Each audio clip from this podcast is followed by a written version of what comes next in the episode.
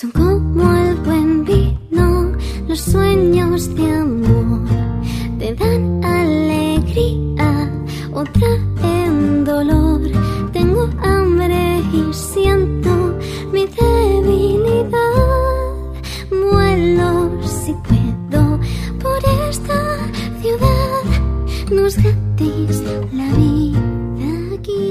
Ràdio Sant Quirze presenta Alimentació saludable amb Ana Maria Leiva. Estoy esperando un buen consomé de plato en plato. Me suelo. Bona tarda de dimecres, mussols i mussoles. Com esteu? Nosaltres aquí, com tots els dimecres, preparats per emetre el nostre programa amb il·lusió i amb optimisme. Estem a Quaresma, ja ho deveu saber, veritat? Antigament era època de recolliment i de juni. En el segle XXI, només les persones practicants de la religió catòlica potser celebren els dies de Quaresma com cal. La vida ha canviat molt. Però bé, aquest no és el tema que ens ocupa. De què parlarem avui? Mireu, després d'haver parlat a fons del que jo considero que és l'alimentació saludable i de com fer la transició de manera progressiva, que ho vàrem parlar el dimecres passat, us volia parlar del que jo considero que hauríem d'eliminar o reduir molt i molt de la nostra alimentació o de l'alimentació que segueixen la majoria de les persones. Eh, mireu, jo crec que és vital eliminar les farines refinades. I em direu, i no puc menjar pa? esclar, esclar que podem menjar pa, però si és de farines integrals i massa mare, millor que millor. Hauríem també d'eliminar de la nostra dieta el blat i tots els aliments que tenen gluten industrial, que de gluten n'ha tingut tota la vida el blat, l'espelta, el sègol, però era gluten sa.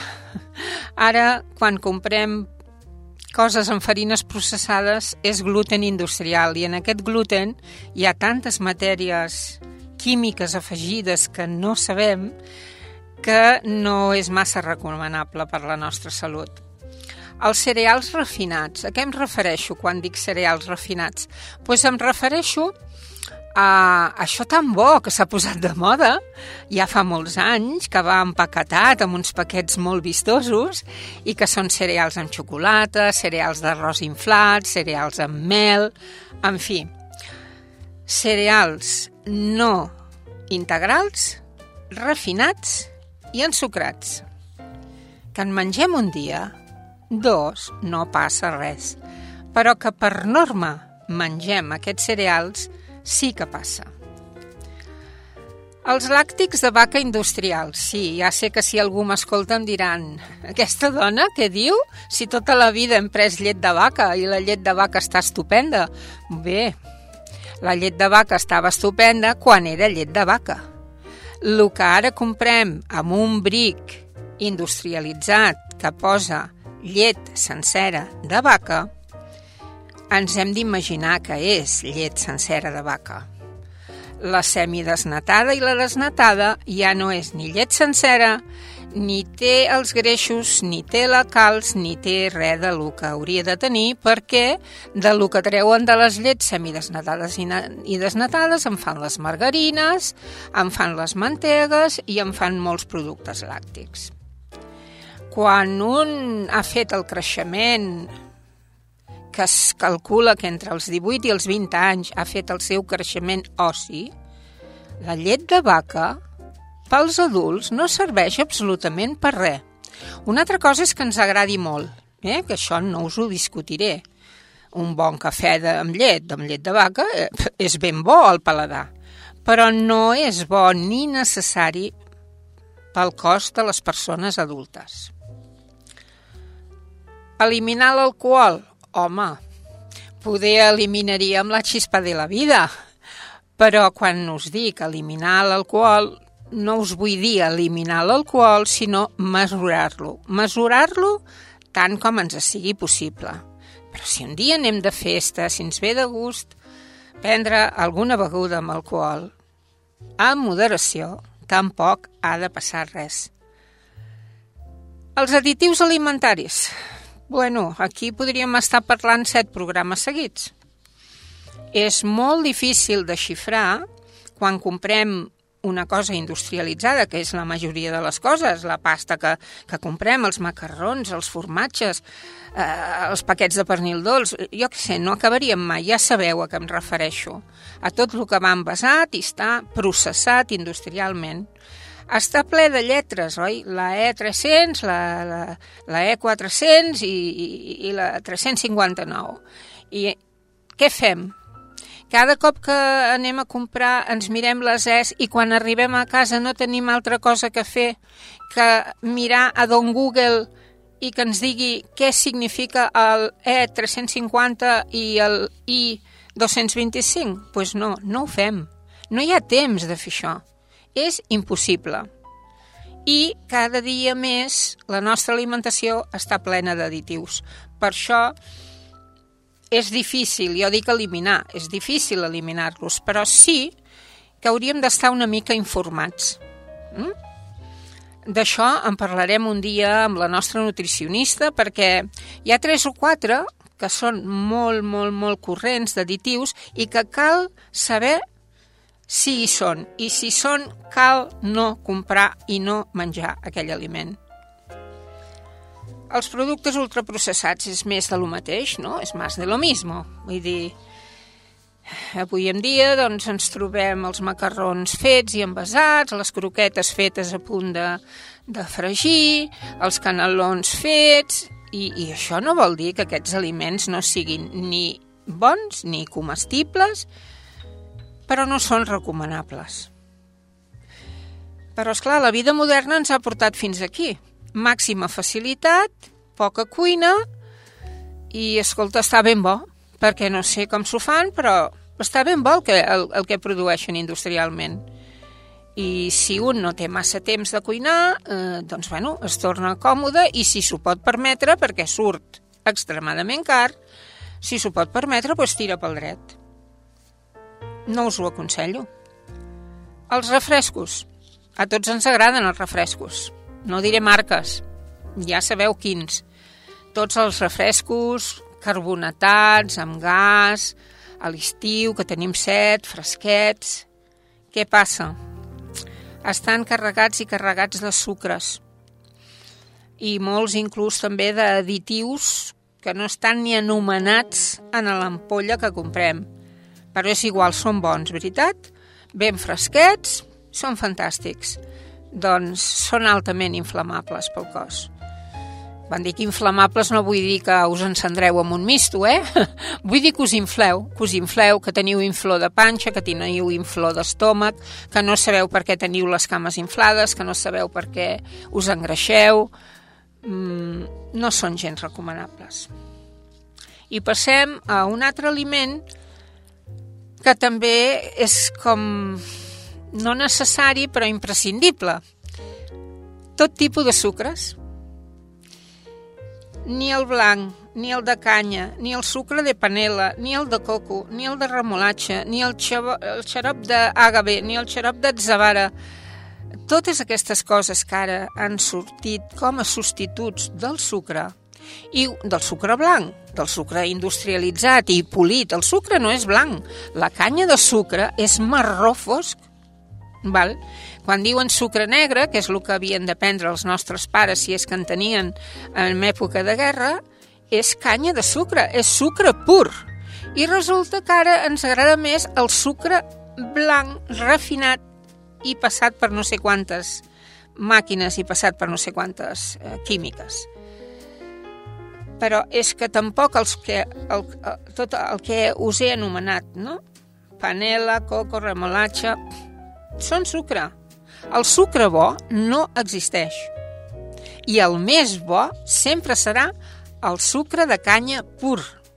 I això aquí ni es cultiva, es cultiva als països, a Cuba, als països llatins, sud-americans, ni es cultiva ni ho tenim a mà. Per tant, ens hem de refiar d'aquestes sucres de moda que han sortit o de comprar sucre morè de l'azucarera espanyola, ai, perdó, no havia de dir la marca, que vol dir sucre tenyit. No és sucre morè, és sucre tenyit amb cafè. Imagineu fins a on ens enganyen. I te'n vas al súper i compres un quilo de sucre morè que et costa més del doble que el sucre blanc i resulta que és sucre tenyit de cafè. Així ens ens enganyen i hem de ser conscients de que ens enganyen.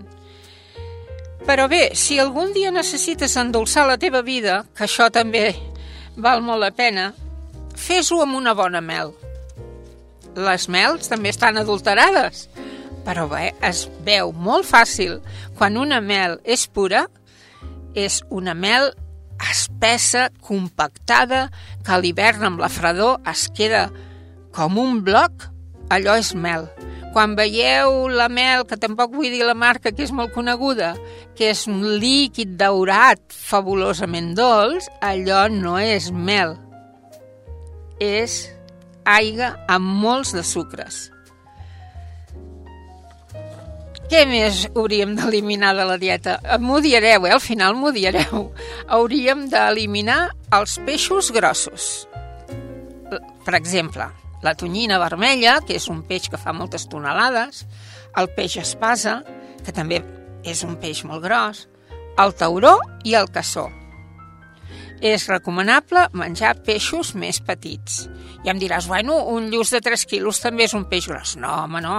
Un lluç de 3 quilos és un lluç de 3 quilos, però és que una tonyina vermella fa 2 tonelades. No, no podem comparar-ho. M'enteneu?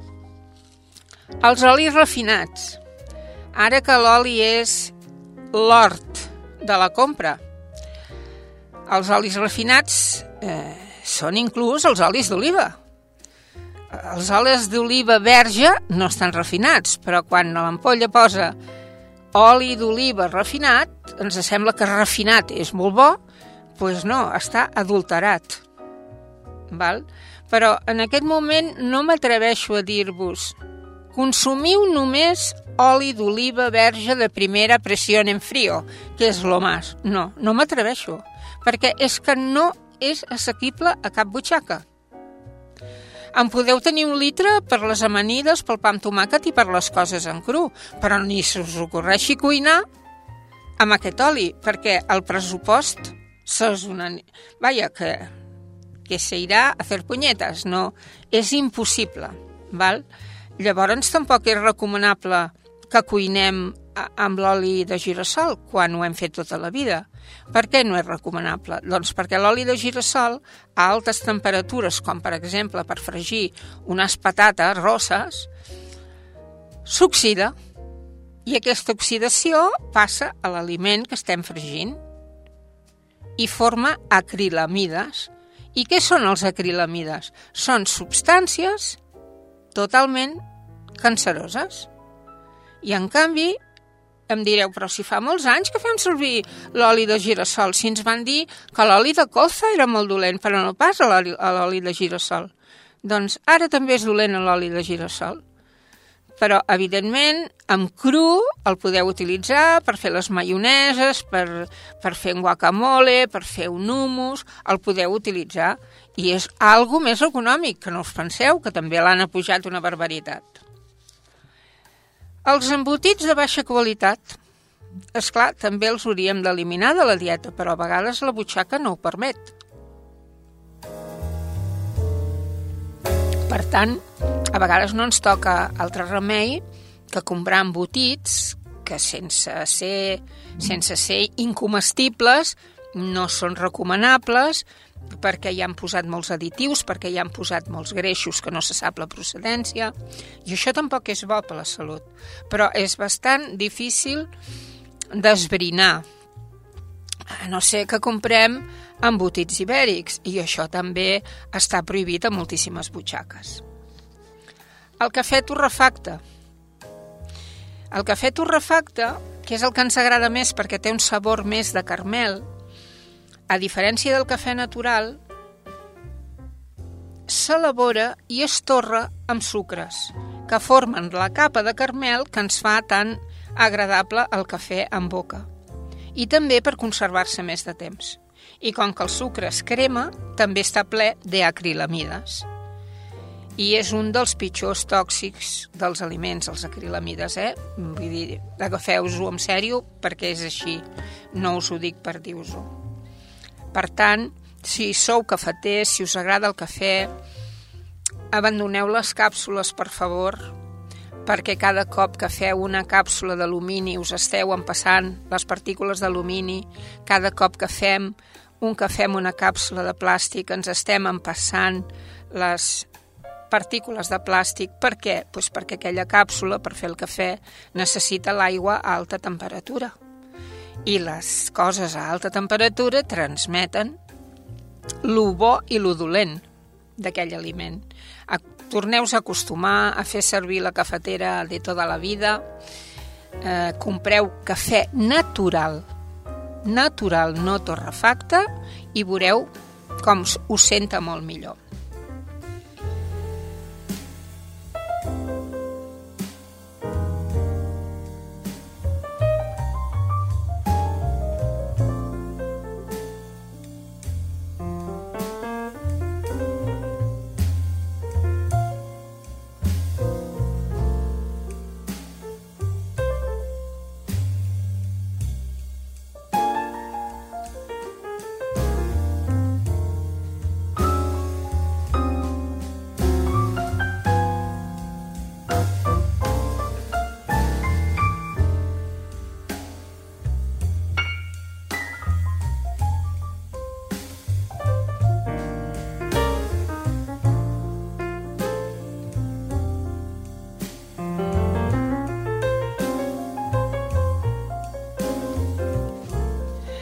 Bueno, què, què us ha semblat? Què us ha semblat tota aquesta llista de, no de prohibicions, eh? de recomanacions. Jo no prohibeixo res a ningú, jo només recomano. Recomano, eh, com us he dit sempre, des de la meva experiència amb el camp de l'alimentació. Mireu, tinc 20 consells, que no sé si us els diré tots perquè us atabalaré, per saber què menjar i com fer-ho. Jo no pretenc dir-vos com heu de menjar, només pretenc donar-vos uns consells per si els voleu aplicar. Cada persona té unes particularitats en funció del sexe, de l'edat, del seu estat de salut, de la seva genètica, de les seves preferències culinàries, les seves referències culturals i la capacitat econòmica. Per això us parlaré de 20 bones pràctiques i les podeu situar a la vostra manera en els àpats de cada dia i, com us vaig dir la setmana passada, poquet a poquet, progressivament, fins que us en adonareu que si les apliqueu cada dia us trobeu millor, teniu més energia, teniu més ganes de tot, no us lleveu amb mandra ni amb mal humor. Us ho asseguro que funciona. Ara bé, cadascú que faci el que cregui convenient. Mireu, consell número 1. No practiqueu la màxima de menjar 5 cops al dia. Ni 5 peces de fruita, ni 5 de verdura al dia, com ens han dit molts endocrins. La verdura es mereix una posició superior a la fruita. Per un adult, lo correcte són quatre parts de, de verdura i una de fruita al dia. I menjar, com a molt, tres vegades. Els nens i els adolescents ho poden fer quatre, no? L'esmorzar, el dinar, el berenar i el sopar. Però les persones adultes, amb un esmorzar, un bon dinar i un sopar lleuger, en tenen més que de sobres. Número 2. Menjar verdures amb arròs no arròs amb verdures. És a dir, deixa de menjar plats plens de carbohidrats. Els carbohidrats com l'arròs, les llegums, les farines, el pa, han de ser una quarta part del teu plat. La resta ha de ser verdura i proteïna animal o vegetal. Número 3. Menja productes verds i morats. Menja vegetals morats, com l'albergínia, els navius, la remolatxa, la col lombarda, els raves, la ceba morada, la magrana. i tots aquests aliments que són rics en antioxidants i reforcen el sistema cardiovascular, antiviral i anticancerigen.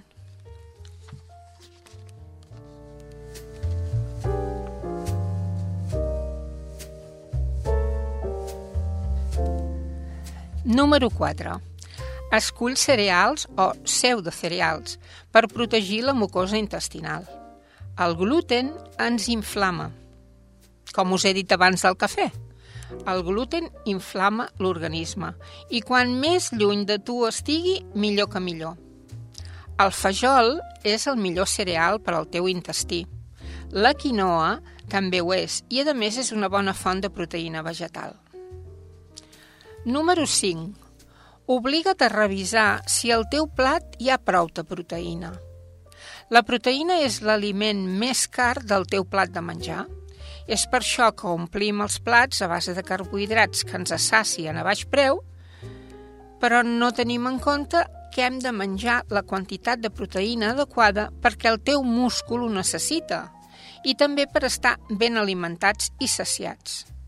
Actualment es calcula que 1,2 grams de proteïna per quilo de pes corporal en dones i 1,6 grams en homes.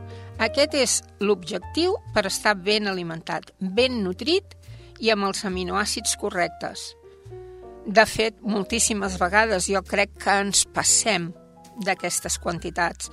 Per exemple, quan fem una bona barbacoa, i ens ve de gust menjar costelles i, i tot el que fem botifarres i tot el que fem aquell dia perquè ens ve molt de gust, segur que ens passem. Però com a norma general, apunteu-vos 1-2 grams de proteïna per quilo de pes corporal dones i 1,6 grams en homes. Així ens estareu ben alimentats, ben nutrits i amb els aminoàcids correctes. El peix, el marisc, la carn i els ous de bona procedència són fantàstics com a proteïna procedent del món animal.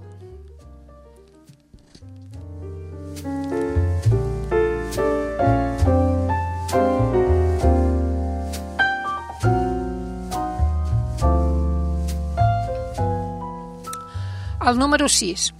Mengeu peix i marisc sempre que us sigui possible. Consumiu peix blau i petit dues o tres vegades per setmana. És econòmic. La sardina, el barat, el seitó, són peixos que no són molt cars i són ben resultons i ben bons. També és correcte consumir peix de conserva si està envasat en pot de vidre i amb oli d'oliva. Són fonts de proteïnes d'alta valor biològic i molt rics amb omega-3 i, en canvi, tenim la sensació que menjar peix de llauna és com aquell que dius és que aquest pobre no pot menjar peix fresc i menja peix de llauna. No, no, no, no us equivoqueu. El peix de llauna ben conservat i, si pot ser, amb conserva de vidre millor, és riquíssim i d'alt valor biològic, com us he dit. Tot i que el mar també està molt contaminat, no ens enganyarem, i cada cop s'estila més menjar peix de granja o de piscifactoria. Jo crec que acabarem que, tal i com està el mar, tot serà peix de granja. De peix de granja i piscifactoria també hi ha classes. Hi ha peixos, peixos de piscifactoria dins del mar o en granges habilitades. Els del mar s'alimenten del producte del mar i els de granja de pinso. I es nota moltíssim, es nota moltíssim si, si teniu bon paladar, es nota moltíssim si és... No et poden enganyar gaire si és de granja o de piscifactoria. I pocs aliments com el peix tenen tanta potència nutritiva.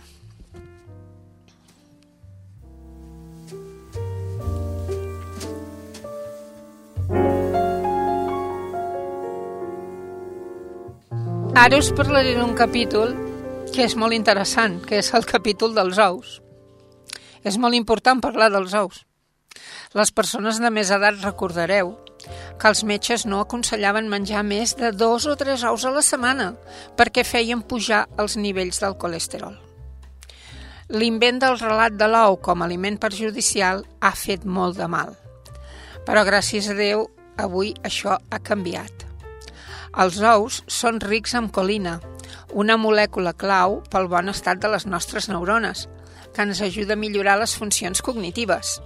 I sobretot, tingues en compte que una truita francesa, perquè tingui el mínim, el mínim de proteïna interessant, ha de tenir de dos a tres ous.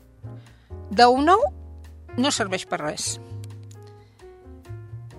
Actualment hi ha, hi ha metges de medicina convencional que admeten que pots menjar un ou diari. O un dia 3 i l'altre dia 3. O sigui, pots menjar 6 ous a la setmana i els nivells de colesterol no tenen per què pujar. Els nivells de colesterol mengen per moltes altres coses que... Me... O sigui, pugen per moltes altres coses que mengem. Consell número 8. Aliments amb màxima densitat nutricional. Què vol dir això? Hem arribat a valorar els aliments a partir de les calories. Però un aliment sense calories no necessàriament ha de ser saludable. És aquí on cal explicar que els aliments més nutritius no són els que són més baixos en calories, ni en greix. La fruita seca, el julivert, les llavors, el peix i el marisc, junt amb el fetge d'animals i les vísceres, són aliments amb una elevada densitat nutricional i, en canvi, són buits de calories.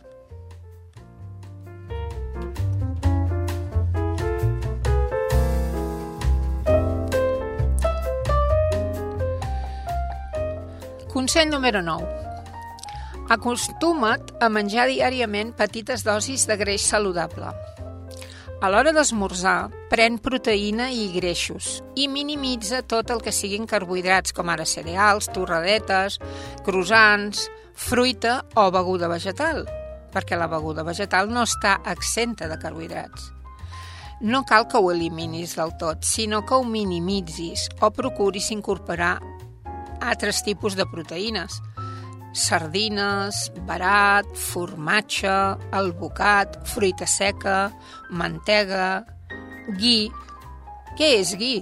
Gui és una mantega clarificada provinent de la cultura ayurvèdica que té molts beneficis per la salut cardiovascular.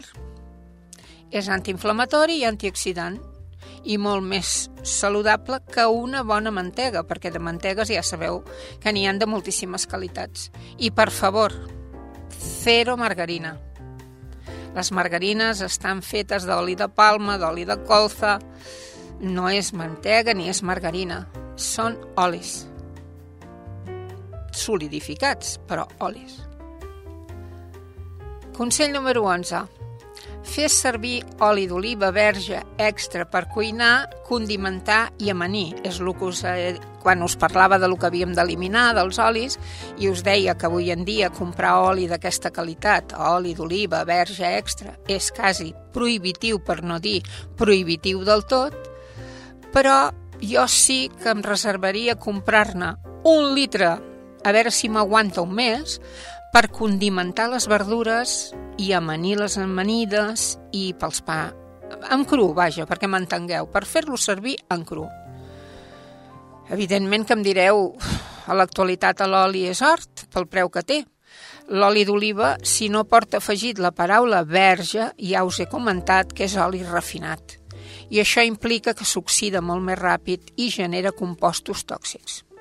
Els olis vegetals, com el de girassol, palma, etc., no aguanten les altes temperatures, ja us ho he comentat abans, i s'oxida en qualsevol font d'escalfor.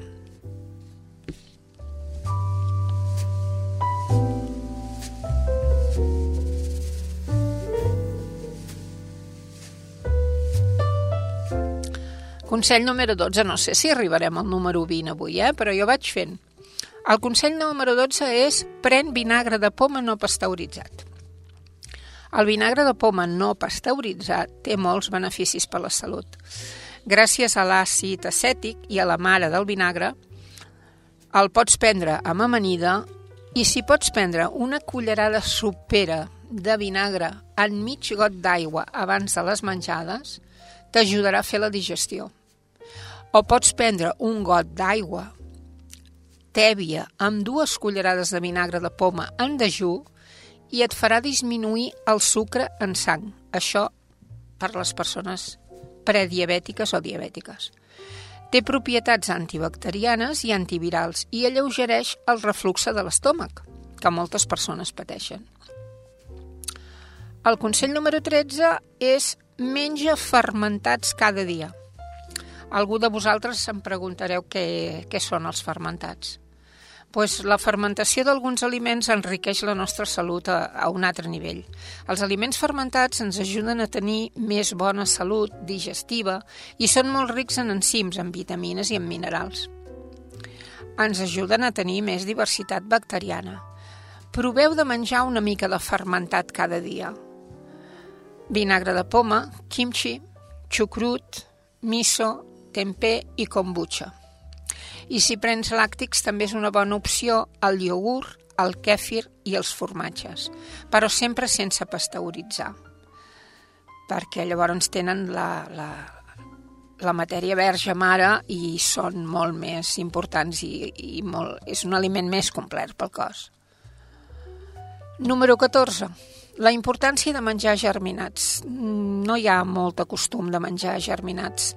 Els germinats són llavors, llavors de lleguminoses, de cereals o d'hortalisses, que són capaces de generar vida perquè han germinat mentre els, mentre els, els processen, que és un procés totalment natural. Poses la lleguminosa o el cereal empapat amb aigua i deixes que germini, no? com si el plantessis a terra per fer un cultiu i hauries de deixar que germinés aquella llavor que has plantat perquè es creés la planta. És el mateix procés. Un cop germinades les llavors, tenen un alt contingut d'enzims, augmenten les vitamines i els minerals, reforcen el sistema immunitari i protegeixen l'estrès oxidatiu. Igual que els fermentats, els germinats ens ajuden a regenerar la microbiota i a millorar la digestió. Actualment ja es troben mm, amb, amb botigues una miqueta selectes que tinguin ja un, inclús súpers, els supermercats, que tenen departaments de, de menjar, entre cometes, bio o eco. Eh? Però ho podeu trobar a moltes botigues. Abans fa uns 10 anys això era impensable, te'ls havies de fer tu a casa i tenia la seva cosa.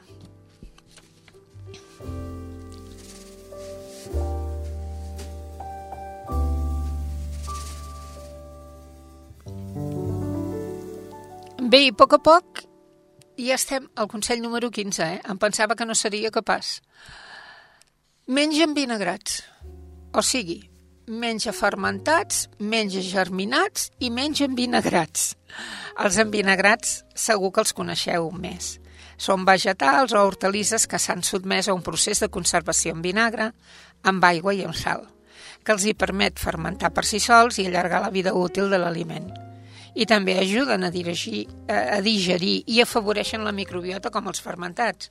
Les olives, els cogombrets, les tàperes, les cebetes, la coliflor, la remolatxa, el bitxo, etc. Tot allò que vulgueu envinagrar.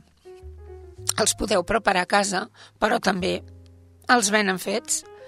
Però, com sempre, heu de veure si és vinagre qualsevol, o és vinagre de poma sense pasteuritzar, que és més recomanable, però vaja, si el mengeu de, si mengeu vinagrats amb, amb vinagre comú, tampoc passa res. És més recomanable amb vinagre de poma, però tampoc passa res. Consell número 16. Menja fruites del bosc eh, les fruites del bosc, quan jo era petita, aquí a Sant Quirze me les anava a buscar personalment. Ara, les fruites del bosc han quedat anul·lades per les cases. Vull dir, ja no existeixen les fruites del bosc, perquè quasi, quasi ja no, no queden boscos i, a més a més, ara amb la sequera està tot molt sec. Però, doncs, ho trobarem també a les botigues. Són les navius, són les mores, són els gers i tenen efectes molt beneficiosos per tot l'urbanisme per la pell, per les cèl·lules, per les neurones, però quan els comprem en supermercats hem de veure si són de cultiu ecològic, perquè com totes les coses, també estan manipulats. No manipulats industrialment, eh, estan, eh, estan cultivats en un camp o, o, o en un invernader, però moltes vegades pues, perquè tinguin bon color, perquè aguantin eh, més temps, pues, eh, estan plens de fitoquímics i llavors no es poden menjar sense rentar-los perquè podeu agafar un bon mal de panxa. El consell número 17. Menja una bona varietat de bolets de temporada. Els bolets, eh, en la cultura catalana, no, ens sembla que només són bons els rovellons, els fredolics i que només són bons a la temporada d'anar-los a buscar, que ara, que ara també és sumament difícil perquè no plou i els boscos ja no s'hi fan ni bolets, però sí que és veritat que els trobarem en conserva, trobarem bolets d'altres procedències tot l'any, trobarem el xampinyó de tota la vida, el xampinyó portobello, que per mi ara és el millor, el xampinyó, els, els bolets que venen de, d'origen, que s'estan cultivant aquí, però que són d'origen xinès i que són molt nutritius. Són un tresor nutricional. Aporten fibra, aporten vitamina A, C, B i D i molts minerals, especialment seleni, calci i magnesi. El xampinyó o el bolet de cultiu de, de soca, mm, la gírgola, que diem aquí a Catalunya, i els seus derivats també són vàlids. Eh, veritat que no havíeu pensat mai que el bolet fos una cosa tan nutritiva normalment, doncs el fem d'acompanyament, no? d'acompanyament d'un fricandó, si tenim uns bons rovellons els fem a la brasa amb les costelles, però veritat que mai havíeu pensat que era un aliment tan complet? Doncs pues tingueu-lo en compte. Tingueu-lo en compte i afegiu-lo afegiu-lo als vostres menjars, als vostres arrossos, d'acompanyament a les vostres verdures, perquè són un aliment molt complet i, a més a més, amb zero greixos. El següent consell. No oblideu mai a la cuina les fines herbes. Les herbes i les espècies. Un altre dia us parlaré de les seves propietats, perquè si no, se'ns faria de nit perquè fins i tot el julivert té propietats. Aquest senzill julivert que a vegades el posem per, per donar gustet o per, o per alegrar un plat. Un dia farem un programa i parlarem de les propietats de les fines herbes. I ara us vull parlar de l'últim consell, que potser us aixucarà una mica. El brou d'ossos. Caldo de huesos. És aconsellable que tants dies com sigui possible prengueu brou d'ossos. És un miracle. Aporta vitamina A i K2, que la K2 és molt difícil de trobar a l'alimentació. Aporta zinc, ferro, bor, manganès, seleni i àcids grassos essencials. En els ossos i cartílegs dels animals s'hi troba el col·làgen. Si el fas a casa, és recomanable fer servir ossos de carn de pastura. I si pot ser de pastura ecològica, clar. Tampoc pots anar a comprar qualsevol os i menjar-te el caldo de, de, de la substància d'aquells ossos, perquè potser també t'estàs enverinant. Són molt rics en col·làgen i els que ho són més, no rieu, perquè a mi em fa riure, són les potes de pollastre i les parts més gelatinoses dels animals. Un rajolí de vinagre de poma i s'aconsegueix que el col·làgen passi al brou directament. Ens ajuda a tenir una bona salut de pell, de cabell i ungles i redueix la inflamació del cos. Millora l'absorció de nutrients i ajuda a prevenir la permeabilitat intestinal. És molt saciant i té poques calories. Ara bé, també us tinc a dir. Per fer-lo a casa necessita moltíssimes hores de cocció. Ha de coure a poc a poc, poc a poc, poc a poc, 5 o 6 hores. Al preu que està l'energia, aquest caldo d'ossos val un ronyó. Li passa com l'oli d'oliva. A casa utilitzem proteïna de caldo d'ossos vaig a fer publicitat de la casa Sura Vitisan. Ai, Vitasan, perdoneu, Sura Vitasan. És d'animal- d'animals de pastura lliure, sense antibiòtics ni hormones. És un caldo liofilitzat que es desfà amb facilitat i que augmenta el valor proteic en sopes, caldos, salses o guisats, o que el pots prendre simplement diluït amb aigua tèbia com un caldo convencional i és un aliment molt recomanable per mantenir la musculatura i el col·làgen òsseo per, per evitar, quan, sobretot quan ja es té una edat, per evitar tots els problemes d'ossos que se solen, que se solen tenir. Bé, crec que per avui ja us he fet prou mal de cap. Ho deixarem aquí i ens retrobarem el proper dimecres, dia 28, que farem el directe del mes amb professionals.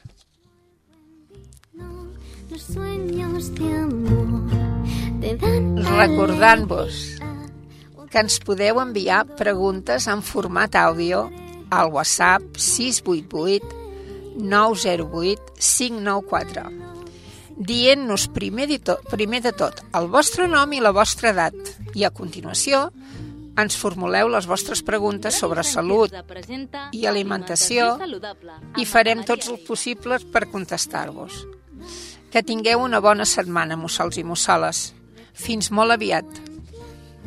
Me suelo mover, robo en soledad, pues he de comer. Quisiera triunfar, es difícil vivir, no es gratis la vida aquí. Jamás dejaré que digan que las estrellas just know